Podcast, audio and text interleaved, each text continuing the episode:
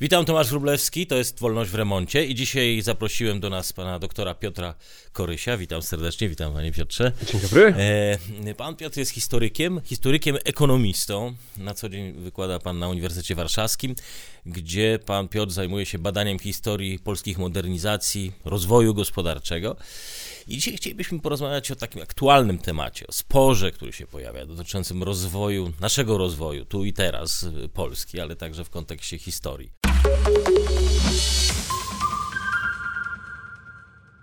Czy, żeby szybciej gonić Zachód, potrzebujemy więcej interwencjonizmu państwa, więcej zaangażowania się państwa, czy raczej więcej inicjatywy prywatnej, uwolnienia tej prywatnej e, energii? Ja tylko powiem, że ostatnio pan Piotr e, Koryś opublikował książkę w bardzo prestiżowym wydawnictwie Polska od zaborów do wejścia do Unii Europejskiej.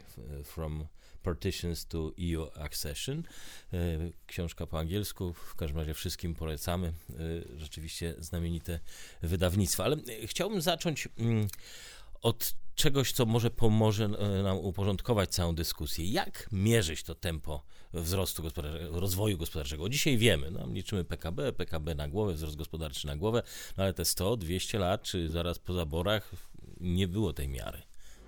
Tak jest. No, jeden sposób to jest taki, i my próbujemy tak robić, że próbujemy wstecz oszacować, jak, jakie były poziomy rozwoju gospodarczego. W tej książce są próby takiego oszacowania przedstawione, czy wyniki takich prób, dokładniej mówiąc, e, dla ziem polskich. Polski nie było, przypomnę, przez prawie połowę tego okresu, o którym jest książka. A, A gospodarka się rozwijała, nawet gospodarka, bardzo niedobrze. Tak? Gospodarka się rozwijała, tak, różnie w różnych kawałkach e, ziem polskich. Ale to jest oczywiście jeden sposób i on jest e, po pierwsze oparty na pewnych założeniach, po drugie no nie ma szans, żeby w przeszłość e, patrzeć precyzyjnie. W związku z tym, jeżeli byśmy chcieli myśleć o przyszłości, no to takie miary, o jakich sobie możemy pomyśleć, to jest po pierwsze e, urbanizacja.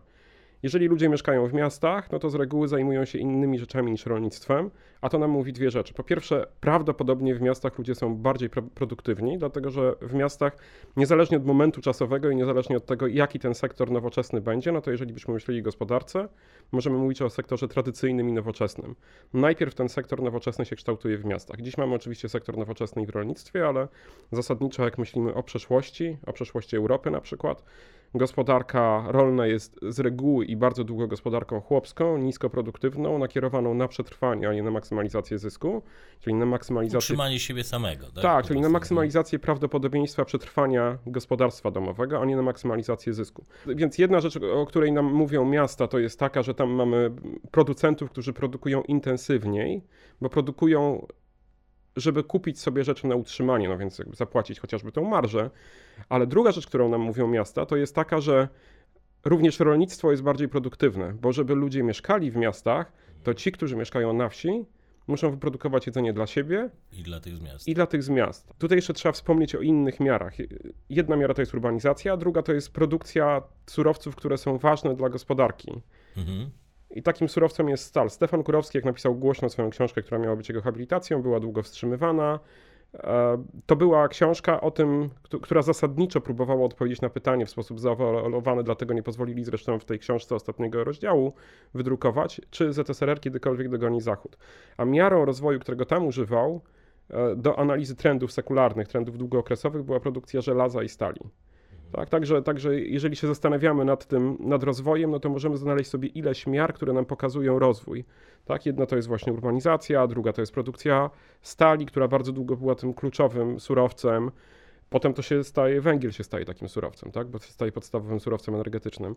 Handel międzynarodowy, zdolność do prowadzenia tego handlu, zdolność do równowagi budżetowej, jeżeli jest potrzebna, bo nie zawsze ona jest potrzebna, czy wytwarzania nadwyżek budżetowych, struktura handlu, czy Polska była nowoczesna, jak sprzedawała tylko ziarno za granicę, importowała produkty przetworzone, czy nie, tak? To jak patrzymy sobie na drugą Rzeczpospolitą na pierwszą Rzeczpospolitą. Mhm. Jeżeli chodzi o model rozwoju, bo są jakieś pomysły w historii, by, czy wzorujemy się na Rosji, nasz rozwój gospodarczy, czy wzorujemy na Niemczech, czy na Francji. W przypadku Polski pod zaborami do tego wyboru wiele by się wydawało e, nie mieliśmy. Wielka Brytania, taki wzór rozwoju gospodarczego w XIX wieku.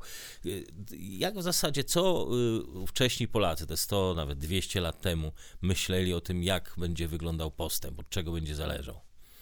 Gdzieś w XVIII wieku, a może trochę wcześniej, część polskich elit e, szlacheckich, czy e, głównie szlacheckich trzeba powiedzieć, uświadamia sobie, że Polska nie jest tak nowoczesna jak Zachód. Co to znaczy nie jest tak nowoczesna? Większość polskiej szlachty, czy istotna część polskiej szlachty, żyje we względnie podobnym standardzie, jak żyje, e, jak żyje się na Zachodzie. Tak? Importują sobie różnego rodzaju produkty, czy konsumpcyjne, czy. Wino z Węgier, na przykład. No, wino z Węgier, ale jak, jak się pojedzie oglądać jakikolwiek e, dworek szlachecki, to można tam sobie, jakiekolwiek muzeum, czy arystokratyczne w Polsce, e, czy pałac, czy, czy, czy, czy, dworek, to można tam zobaczyć bardzo często piec kaflowy, który jest wyłożony holenderskimi kaflami. Nie dało się takich produkować w Polsce? Pewnie się dało, ale te najbardziej luksusowe, najwyższej jakości były z Holandii. Po co było uruchamiać produkcję tutaj? Po co było tutaj tworzyć miasta, które zawsze mogą być problemem, skoro można było to zaimportować? A Polska była jednym z niewielu wtedy krajów, które, były, które były zainteresowane wolnym handlem. Tak, wtedy, kiedy mamy epokę merkantylizmu, kiedy wszyscy dbają o równowagę budżetową, kiedy wszyscy chcą kruszce do siebie, kiedy wszyscy chcą eksportować przetworzone produkty, a importować raw materials, mhm. tak, to my robimy odwrotnie. Tak? Dlaczego? No taki, taka jest natura takiego e, peryferyjnego imperium na skraju wielkiego obszaru cywilizacyjnego, którym była Europa, które się stało spichlerzem zbożowym. Tak? To bardzo dochodowy model funkcjonowania. Żeby porównać to do czegoś, w XIX wieku dosyć podobnie południe e, Stanów Zjednoczonych Ameryki Północnej funkcjonuje. Są bogaci, żyją dobrze, nawet niewolnicy nie żyją dużo gorzej, o ile w ogóle żyją gorzej niż no, robotnicy. producenci ropy dzisiaj, tak? No, czy producenci, tak, czy, czy producenci ropy dzisiaj. Oczywiście ten model się może zawalić, w Polsce on się zawalił, ale, ale dopóki działał, to wszystko było zasadniczo ok. Gdzieś w XVIII wieku część polskich elit uświadamia sobie, że nie wszystko jest ok, chociażby dlatego, że wprawdzie żyjemy równie dobrze jak sąsiedzi dookoła, czasami nawet lepiej. Nawet nasi chłopi żyją nie gorzej, pomimo, że mają mniej wolności i mniej praw tak? mniej uprawnień politycznych i mniej wolności obywatelskich niż w wielu innych miejscach, ale nie żyje im się gorzej, w związku z tym się relatywnie rzadko buntują. Buntują się, ale relatywnie rzadko, jakbyśmy porównali to z Szwecją czy z Francją. A no i teraz ten wzory, tak? Czy... To jeszcze po czym, po, czym, po czym to mierzyć? Mierzyć to można na przykład po tym, że e, w Polsce mamy bardzo niskie podatki. Tak, jakby jeżeli zastanawiamy się nad poziomem rozwoju, to jeszcze wracając na chwilę do pierwszego pytania, to jednym z kolejnych miar jest to, kiedy państwo staje się państwem podatkowym, jak to nazwał kiedyś dawno temu Schumpeter. Jednym z pierwszych takich państw w Europie jest Wielka Brytania. Państwo podatkowe to nie jest takie państwo, które zbiera bardzo dużo podatków, ale takie państwo, które w każdej chwili, kiedy trzeba, jest w stanie te dużo podatków zebrać. Żeby to zrobić, oczywiście trzeba mieć sprawne instytucje, e, efektywną administrację, nie nadmiernie rozbudowaną, ale w razie potrzeby taką, którą da się rozbudować. W Polsce tego nie było. Tak? Czyli jeżeli chcemy modernizować państwo, potrzebujemy dobrych instytucji i potrzebujemy do tego wzorów. I dyskusje na temat jak, tego, jakie to są wzory, zaczynają się gdzieś w XVIII wieku. I dla nas zawsze punktem odniesienia jest albo Francja, albo Niemcy, albo chyba najczęściej Wielka Brytania.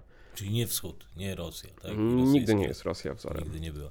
A proszę powiedzieć, gdybyśmy, czy w którymkolwiek e, e, okresie, w jakiejkolwiek epoce moglibyśmy mówić o unikalnym wzorze rozwoju gospodarczego Polski. No, lubimy się odwoływać do lat 30., jeszcze przed II wojną światową, projektu COP E, lubimy mówić o takiej wyjątkowości e, pomysłu Leszka Balcerowicza na rozwój gospodarczy, no czy teraz znowu zrównoważony rozwój. Ale e, nawet cofając się jeszcze wcześniej do może XIX wieku, czy gdzie kiedykolwiek był jakikolwiek pomysł polski na rozwój gospodarczy, na dogonienie Zachodu? Znaczy, te polskie pomysły się pojawiają. Pytanie, czy one są unikalne, czy nie jest trudniejsze, tak? Bo mamy najpierw pomysł Staszica, Idruckiego Lubeckiego, czyli pomysł na to, żeby to państwo zbudowało kapitalizm w Polsce. Tak, państwo zbudowało rynek zasadniczo, tak, poprzez budowę okręgów przemysłowych i Staszic moim zdaniem dokonuje wysiłków ku temu, tak, to znaczy on wyobraża sobie mniej więcej jak wyglądają okręgi przemysłowe w Anglii. Jest na przykład w Anglii taki bardzo stary okręg przemysłowy, gdzie można najstarszy most żeliwny zobaczyć, Colworkdale się nazywa, a i tam jest taka rzeka, wzdłuż której po kolei zbudowano e, poszczególne etapy produkcyjne mm, przedsiębiorstwa hutniczego, dużego takiego. I zasadniczo Staszic wzdłuż rzeki Kamiennej próbuje robić to samo. Tak? Pro, problem jest taki, i on, on to robi na terenie starego polskiego okręgu przemysłowego, który był zawsze zapleczem krakowskiego biskupstwa. Tak? Znaczy tam były huty biskupów krakowskich od dawna. E, Problem jest taki, że w międzyczasie pojawiła się granica pomiędzy Austrią e, i Rosją, a skomunikowanie tego obszaru z Warszawą było bardzo słabe. W związku z tym Zasadniczo zrobiono wszystko, zabrakło tylko po pierwsze pracowników, bo ich jeszcze nie było. Byli chłopi, jeszcze nie, nie przeprowadzono reformy rolnej, nie przeprowadzono uwłaszczenia, więc mobilność chłopów była raczej ograniczona. No i nie było infrastruktury komunikacyjnej, więc... Czyli pomysł wyprzedzał możliwości państwa. Trochę tak, ale mi się wydaje, znaczy ja bym nawet trochę inaczej widział tutaj, znaczy taką metaforę, którą ja kiedyś tam e, napisałem, no to jest taka, że e, bardzo często polscy politycy, którzy próbują modernizować, widzą tą nowoczesność na Zachodzie jednak dosyć powierzchownie, no bo żeby zrozumieć tą nowoczesność Zachodu, no to trzeba pewnie tam pożyć, przeżyć, nie wiem, może więcej niż pokolenie nawet. A jak się widzi to z boku, no to, to wydaje się dosyć łatwe. No, jak, jak być innowacyjnym? No po prostu stworzyć innowacyjne uniwersytety, dofinansować innowacyjne przedsiębiorstwa i się będzie innowacyjnym. Tak? Jak, jak mieć przemysł? No zbudować przemysł, będzie działał i będzie przemysł. No. Doświadczenie lat 30.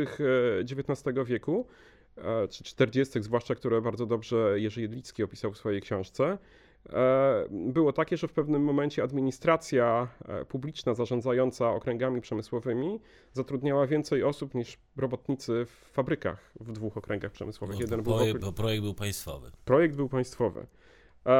Jeżeli popatrzymy na taki polski pomysł, po pierwsze można powiedzieć, że dosyć ważnym tutaj pomysłem, aczkolwiek nie innowacyjnym, nie wyjątkowo polskim, to raczej tutaj wytrwałość w wykonaniu, to był projekt reformy Grabskiego. I w tym sensie dosyć symetryczny jest później projekt reformy e, Balcerowicza, tak.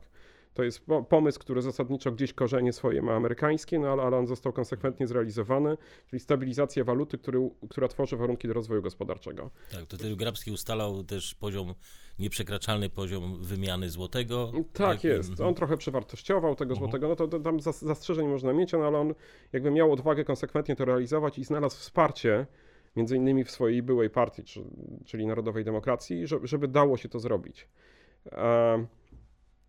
Ale być może takim najciekawszym polskim pomysłem, choć niekoniecznie go lubię, jest y, pomysł z lat 30., czyli pomysł okręg, tak? Eugeniusza Kwiatkowskiego, mhm. który też nie jest jakby wyjątkowo polski, bo w trochę podobnym modelu się podejmują próby Rumunii. E, jest taki ich intelektualista, który się nazywa Michajlesku, e, Węgrzy. Czyli to jest cały... W tym samym czasie. Tak, to jest mhm. środkowoeuropejski pomysł, no ale Kwiatkowski jest tutaj ważny, czy to jest pomysł taki, żeby w jednym miejscu skoncentrować państwowe środki e, i żeby ten jeden region kraju stał się takim kołem zamachowym, które rozpędzi całą gospodarkę. Później ten pomysł został niejako przepisany na, na, na, na myślenie naukowe przez innymi przez Paula Rosenstein-Rodana i stał się jakby jednym z fundamentów e, początków ekonomii rozwoju, tak, development economics. I on zwrócił na się, znaczy był między innymi dyskutowany w Wielkiej Brytanii pod koniec wojny jako sposób na to, żeby odbudować gospodarkę brytyjską, więc w tym sensie można powiedzieć, że to jest jakiś nasz oryginalny pomysł, no ale, ale znów trzeba do tego dodać tyle, że w tym samym czasie jakby podobne próby, aczkolwiek dużo mniej państwowe, są podejmowane w innych krajach, czyli Amerykanie robią to samo, tylko tyle, że oni nie ograniczają gospodarki prywatnej, tylko dofinansowują gospodarkę prywatną. No, w Polsce mamy bardzo silny proces tego, co my nazywamy etatyzacją, tak? czyli bardzo silny proces wypychania gospodarki prywatnej przez gospodarkę publiczną. Między innymi poprzez to, że właściwie cała akcja kredytowa, 97% udzielanych kredytów pod koniec lat 30. było w rękach państwowego... Myślałem, że pan już przeskoczył do współczesnych, mówiąc o wypychaniu prywatnej inicjatywy, ale to rozumiem, że dojdziemy. E, gos, e, 97% kredytów było udzielanych przez koncern BGK, tak? przez państwowy mhm. koncern.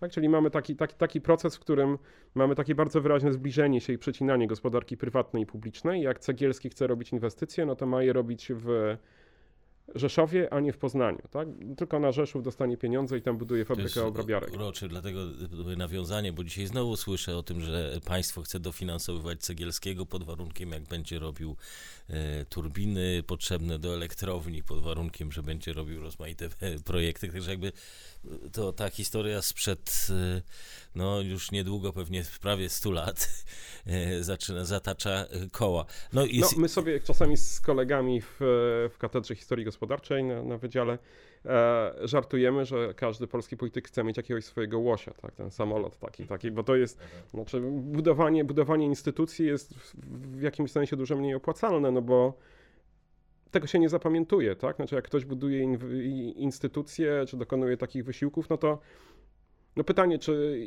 ile zawdzięczamy Balcerowiczowi, tak? On dokonał ogromnych wysiłków, ale tak wprost nie można wskazać, że dalszy wzrost to nie zostawił za... komina za sobą. No nie zostawił komina za sobą, tak, dokładnie. Zniszczył. Tak, aczkolwiek y, na ówczesne czasy, no w literaturze międzynarodowej, tej pomysł transformacji, czyli takiego pełnego uwolnienia rynku, to może nie jest unikalnym pomysłem, ale przeprowadzenia tego, no był wyjątkowy na ówczesne czasy. No przynajmniej, przynajmniej w Europie Wschodniej, tak, no bo jak mamy takie doświadczenia z Ameryki Południowej, e, które, które są początkiem. Chile, trochę Meksyk, e, no to, to jakby Taki, takich doświadczeń politycznych trochę mamy, ale oczywiście konsekwencje w realizacji i to, że Leszek Balcerowicz podjął to ryzyko, no to jest jego niesamowita zasługa, tak? To, no w tym sensie jakby to, to, to jest, można powiedzieć, że taka decyzja jest dużo trudniejsza, tak? Bo zbudowanie czegoś, tak? Takie, znaczy zbudowanie czegoś w sensie materialnym, tak? Pozostawienie po sobie pomnika, tak? Pomnika, który nie jest tylko pomnikiem idei, tylko pomnikiem, e, pomnikiem takim materialnym, właśnie kominem, tak? No, pamiętamy Łosia dużo lepiej niż złotówkę Grabskiego. My y, w Warsaw Enterprise Institute dorocznie robimy taki raport, nazywamy to raportem y, otwarcia bilansem roku 2018, jak Polska szybko goni za y, państwami, liderami Unii Europejskiej i w tym roku zrobiliśmy taki ranking dla wszystkich państw Europy. E, to e, jesteśmy na 21 e, miejscu w Europie, co nie jest oczywiście na końcu, ale daleko nam do bycia liderem. I trochę nawiązując do tych lat 30. i do nowych pomysłów rozwoju gospodarczego, bo dzisiaj, jak rozumiem, ten pomysł zrównoważonego rozwoju premiera Morawieckiego bardzo silnie nawiązuje do tamtej wizji rozwoju gospodarczego przez interwencjonizm państwa i takiego głębokiego zaangażowania tej delikatnie mówiąc, w gospodarkę.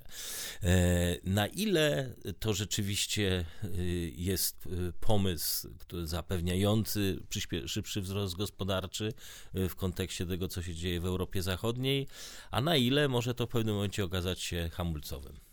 No, w tych dyskusjach, które się toczą teraz na świecie, tak, które się toczą w Chinach, które się toczą w Europie Zachodniej, które się toczą w Stanach Zjednoczonych, to pytanie o rolę państwa w gospodarce jest e, bardzo poważnym pytaniem, tak? I wielu ekonomistów, czy szerzej może intelektualistów, dostrzega potrzebę zaangażowania państwa w niektóre obszary. Pytanie oczywiście jest takie, e, przyjmując, że w pewnych obszarach być może zaangażowanie państwa jest albo bywa przydatny, tak?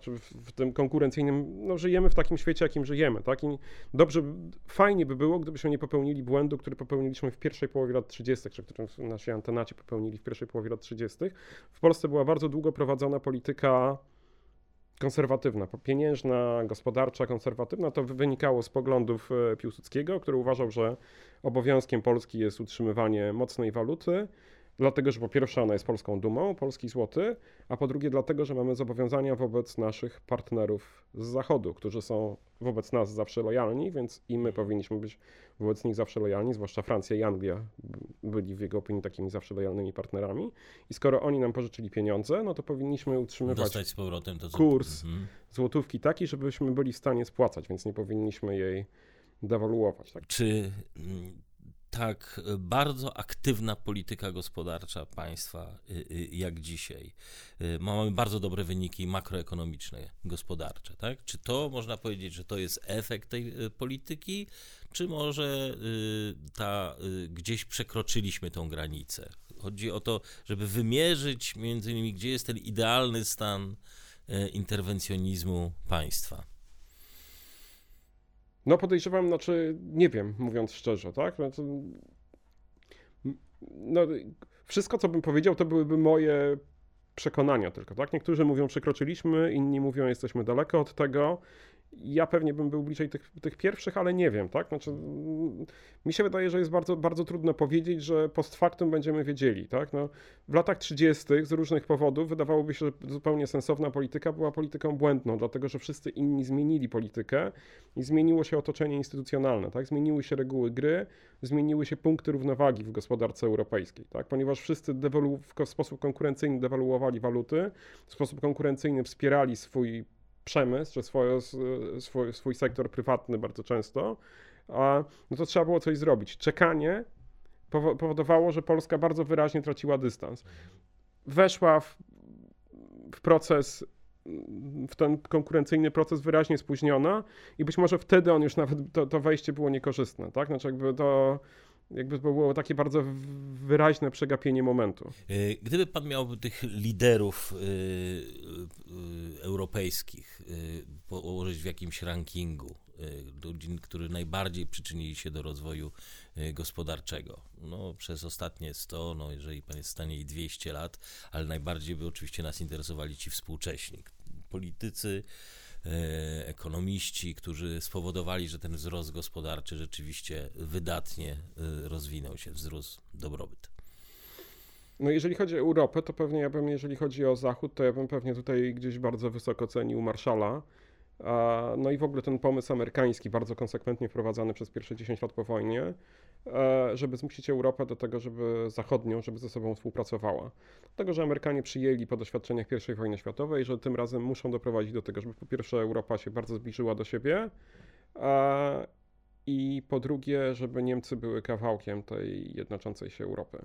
No więc on pewnie tutaj bardzo istotną rolę, czy on, no on, on, on jest znów tutaj tylko twarzą, tak, no bo to jest w ogóle cały szerszy pomysł amerykański, w tym sensie też warto by popatrzeć na Schumana i całą tą grupę polityków europejskich, którzy, którzy, którzy podobne pomysły promowali. Tak w krótkim okresie wydaje się, że się sprawdziła recepta Margaret Thatcher, ale w dłuższym okresie ja nie mam pewności, czy tak, czy, czy ten model polityki, który zbudował z Wielkiej Brytanii przede wszystkim taką gospodarkę postprzemysłową opartą na e, usługach finansowych na pośrednictwie między Europą a Stanami Zjednoczonymi, to jest dobre rozwiązanie, tak? bo ono doprowadziło do tego, że jakby, że Anglia czy Wielka Brytania to Londyn w dużej mierze, tak? no bo tam się koncentruje bogactwo, wytwarzanie PKB, i, większość pieniędzy. I większość pieniędzy, no, no wszystko się tam koncentruje. O polskich tak? Y, liderach mówiliśmy już o mm, mistrze Kwiatkowskim, rozumiem? To jest taka osoba, która byłaby no, znacząca. No, powojennych oczywiście też mamy, tak? tak? No, mamy, mamy, mamy, mamy, mamy, mamy okropną w sensie społecznym